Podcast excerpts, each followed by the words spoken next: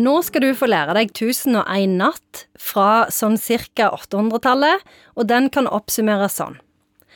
Kongen dreper kona si for utroskap, og bestemmer seg for heller å ta en ny brud hver natt og henrette henne ved daggry.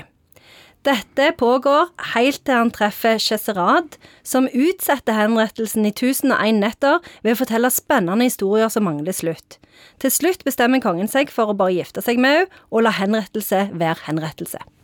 Men du sa ikke hvem som hadde skrevet den? Det er en sånn samling av forskjellige historier. Så en antar at det er eh, historier som har blitt på en måte fortalt muntlig, og så er det noen på et eller annet tidspunkt som har tenkt litt som Asbjørnsen og Moe, at dette samler vi inn, og så lager vi en slags sånn antologi med spennende og gøye historier.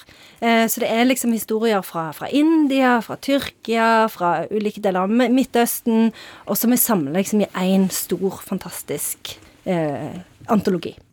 Men sånn som du oppsummerte, så framstår det jo som én historie. Ja, det gjør så, for det, nå, nå, skal vi lære noe nytt. Det med kongen og Cheserad, det er liksom en rammefortelling.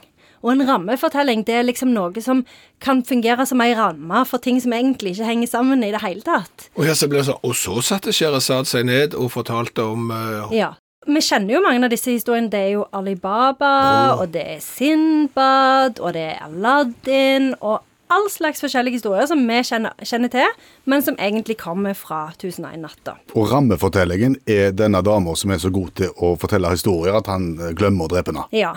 Han kongen som er god på bunn. Han òg. Så hvis det ikke hadde vært for 1001 natt, så hadde Disney ligget tynt an? Veldig dårlig an. Okay. Veldig dårlig an. Eh, og det som er eh, veldig kult, er at den denne her eh, boka her, den eh, kom liksom til Europa på sånn 1700-tallet. Da ble den oversatt til fransk.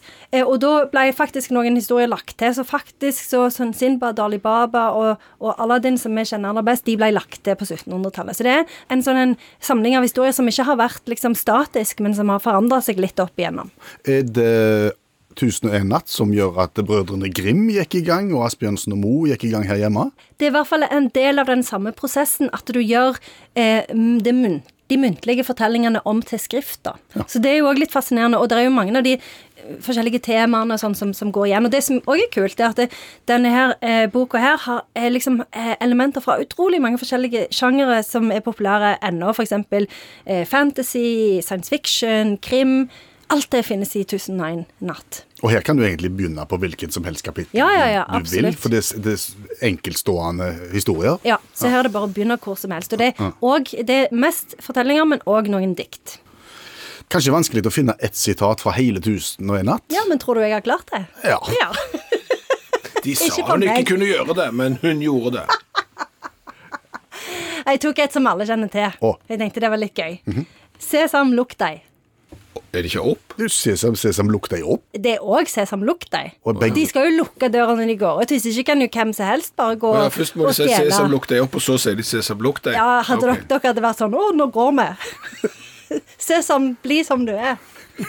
det går jo ikke. Altså, Ungdommene sier jo ikke 'lukk deg', for ungdommer lukker ikke døra etter seg. Nei, det er sant, de gjør det ikke. Så Nei. det kan jo brukes som en litt sånn lærdom. Du ser hva som hadde skjedd med de skattene da. Ja, Og det var fra Alibaba. Ja. Og de 40. 40 røverne. Mm. Helt riktig.